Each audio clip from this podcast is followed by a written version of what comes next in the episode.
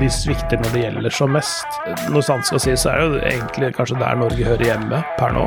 Det er jo to beist. Å bruke han på kant syns jeg er misbruk av han. Hadde dere sett for dere det scenarioet her før Slovenia-matchen?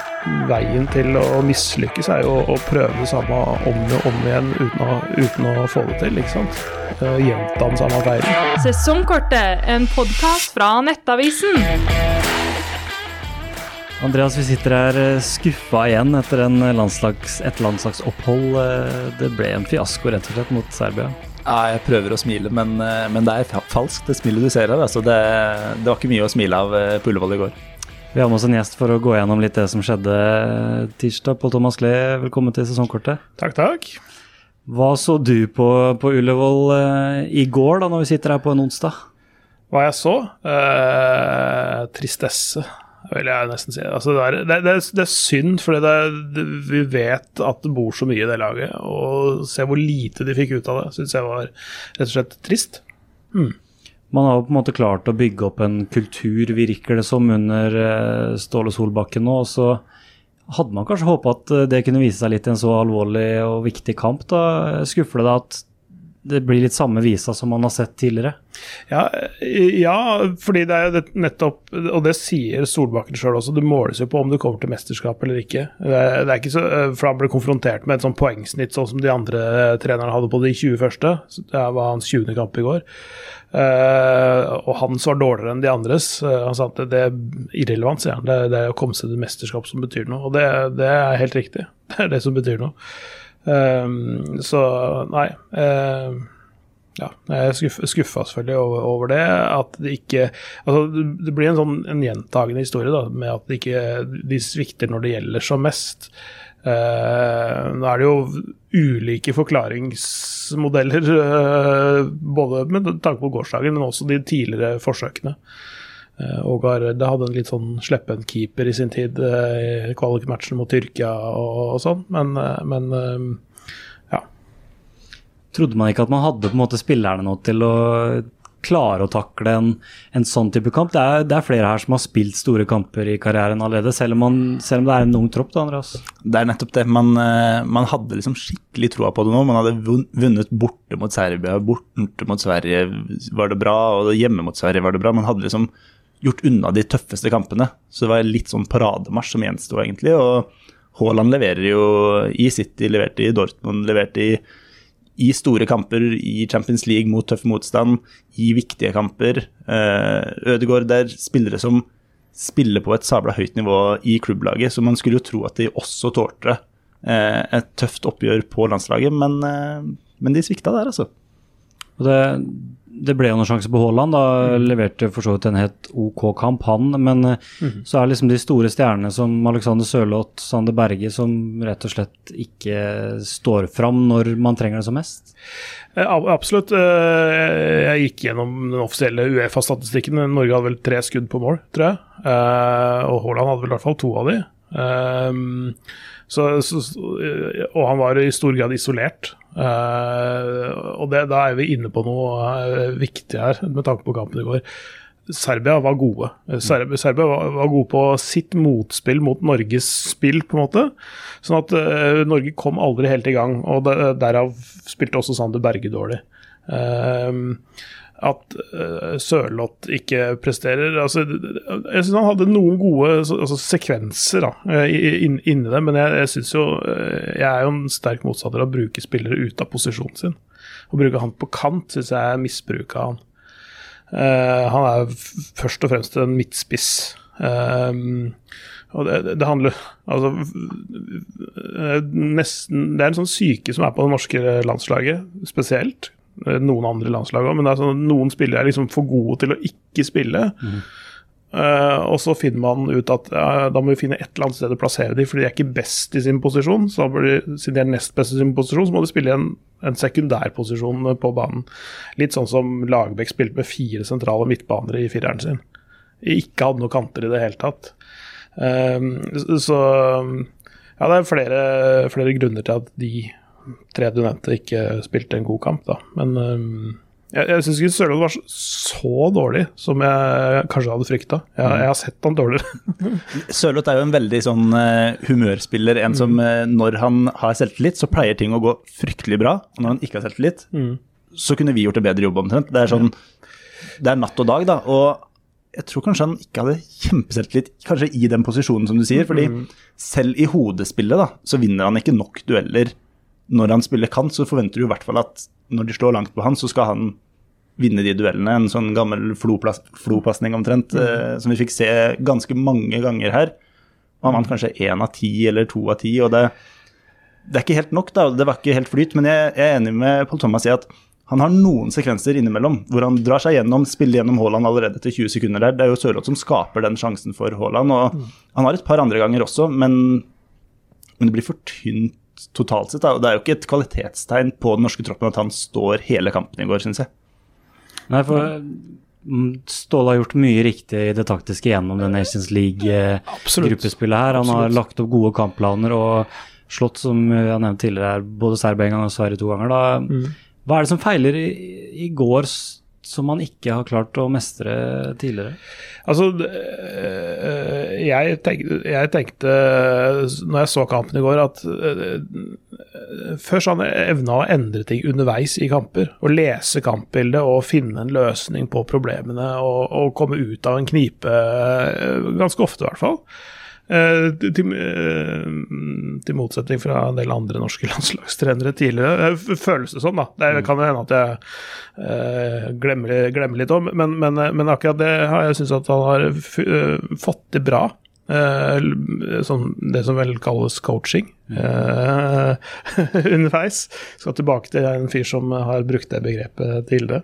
Eh, men altså, men endre et kampbilde da, underveis. Og, det, og det, det var rart at han ikke så det, for det, du kunne se det ganske tidlig.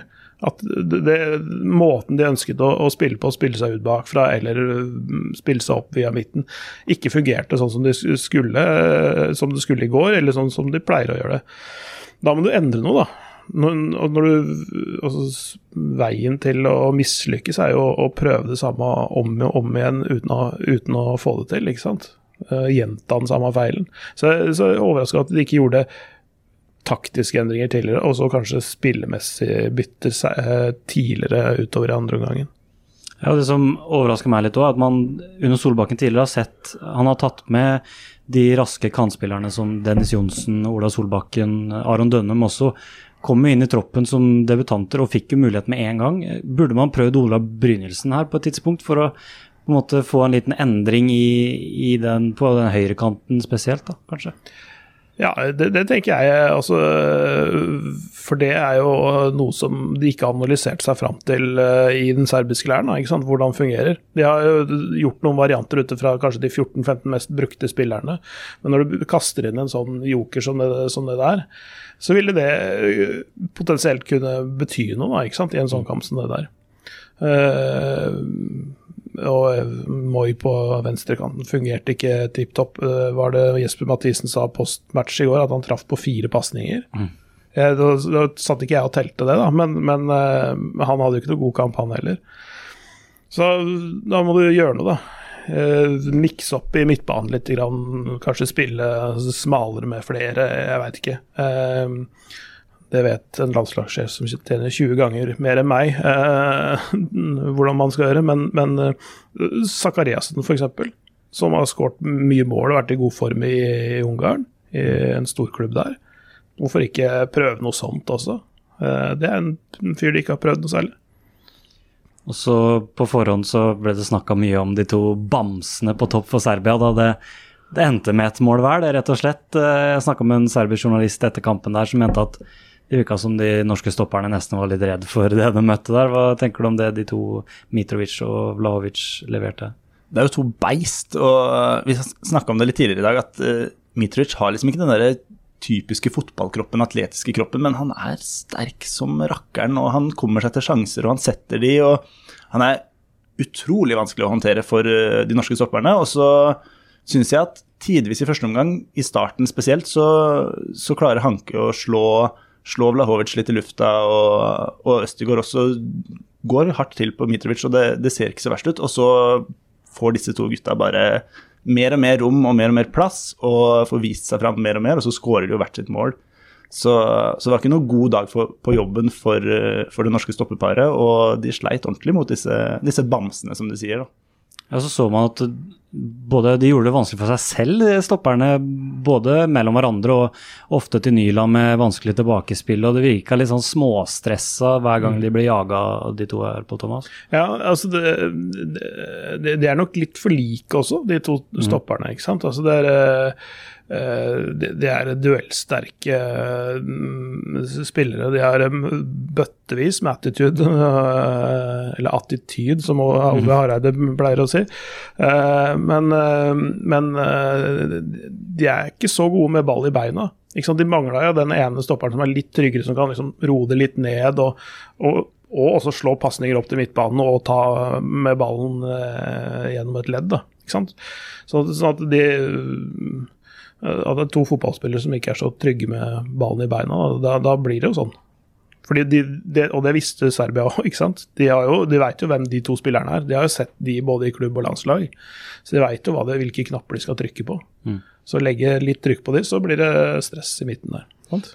Og her har vi også to stoppere som ikke har så mye erfaring på, på, det aller øverste nivået. To unge stoppere som kommer til å bli bedre med åra. Og det, det skinner nok litt gjennom da når det blir en så viktig kamp, og du kanskje møter ringreven da, Mitrovic, som, eh, som, bøtta i championship i fjor, som skårer mål mot Premier League-stopperne i år, og, og som også skårte mål mot Norge. Det, det, er en, eh, det, er ikke en, enkel jobb de har heller, når de møter disse serbiske spissene. Men når man ser på en måte den duoen der og hvordan de utfyller hverandre godt og skaper trøbbel inne i boks og sånn Det kom jo en spiss inn i går, da, Pål Thomas i Jørgen Strand Larsen, som hylles over de fleste aviser i Norge dagen derpå. Um, hva syns du om innhoppet til eh, Celta Vigo-spissen?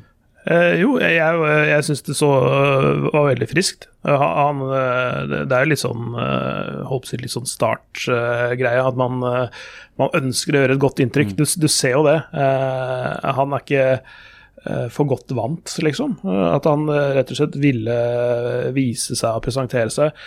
Så både aksjonen hans i selve, i selve duellen og sånne ting, men også når han vant en corner og løp ut mot cornerflagget og dro opp stemninga blant publikum. Det var sånn Fordi det var litt dødt tidvis på tribunen, og ikke minst på banen. At de trengte en, en boost, en push fra, fra tribunen, de gutta som var ute på banen. For, for det var jo kanskje det som prega liksom, Som lå som en sånn teppe over hele kampen i går, var at det var litt sånn litt, Sto litt bak i skoa og var litt Ikke tafatt, men kanskje litt sånn feigt og litt sånn derre eh, sånn en, Han en risiko, risikoaversjon, som jeg, man kan kalle det litt vanskelig. Eh, de turte litt lite og gutsa litt lite. Eh, det var på en måte det jeg sitter igjen med. Men men det var, hadde um, Strand Larsen i bøtter og spann. Mm. Han er uredd, og han har, har, liksom, han har, ikke så fryktelig mye å bevise heller. Han har, ikke, han, har ikke, vært haussa opp i forkant, uh, så han har ingenting å tape. Uh, han bare knuste på, han, og det var positivt. For eh, mange så er han kanskje et litt ubeskrevet blad, i og med at han har spilt i Groningen og Nederland i noen sesonger nå. Mm. Han gjorde det bra i, i Nederland, har fått mm. en stor overgang til La Liga til slutt der òg. Mm. Hva kan du si om det han leverte for eh, Groningen der? Nei, eh, spesielt eh, siste året eh, var, han, eh, var, han, veldig bra. Eh, og for et ganske, dårlig, ganske dårlig Groningen-lag, egentlig. så skårte han jo 14 mål vel i, i fjor, og det, det, er, det, er, godt gjort altså, for et sånt lag som det der. Han er ofte isolert på topp. og Sånn, men, men, han er sterk, både sterk i lufta og god med beina òg. Så han har, han har, et register, et repertoar, eh, som eh, var kanskje litt vanskelig å se det i Sarpsborg og, og, sånn, eh, kanskje i like stor grad, men, men, du ser at han er minst like god på det, jo høyere nivå nesten han, han går. Noen, noen, faller igjennom når de går, går, opp et hakk eller to i nivå, men han har nesten bare blitt bedre og bedre for hvert nivå han har tatt. da. Så det, det er meget imponerende.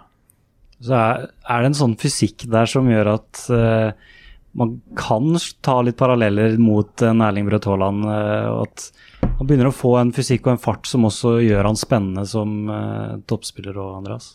Ja, ja, uten tvil. Kjempespennende. Og innoppi går er ordentlig frisk og god. og Han har noen sånne syd, sydeuropeiske fakter med å kaste seg litt i tillegg, så det, det var veldig spennende å se. og Norge avslutta jo med både Sørloth, Haaland og Strand Larsen på topp. og de, som, Litt sånn som du sier, da, de er litt samme typer. De er store, sterke, men også relativt raske alle sammen. Så det, det vokser jo og gror blant spisser i Norge, ser det ut som. Så er jo spørsmålet om Solbakken da skal spille med to spisser på topp, da, kanskje i stedet for én. Fordi, som vi var inne på her i stad, å spille spissene på kant er jo ikke, er jo ikke en drøm for verken de eller for landslagssjefen selv. Så, så vi får se. Ja, hva tenker du om det på, Thomas? For man har jo på en måte en Birger Meling som er en liten wingback-type. Man har en Holmgren Pedersen som også kan gjøre det samme på motsatt side. Kunne det vært en idé å prøvd uh, enten Sørloth uh, med Haaland eller Strand Larsen med Haaland på sikt?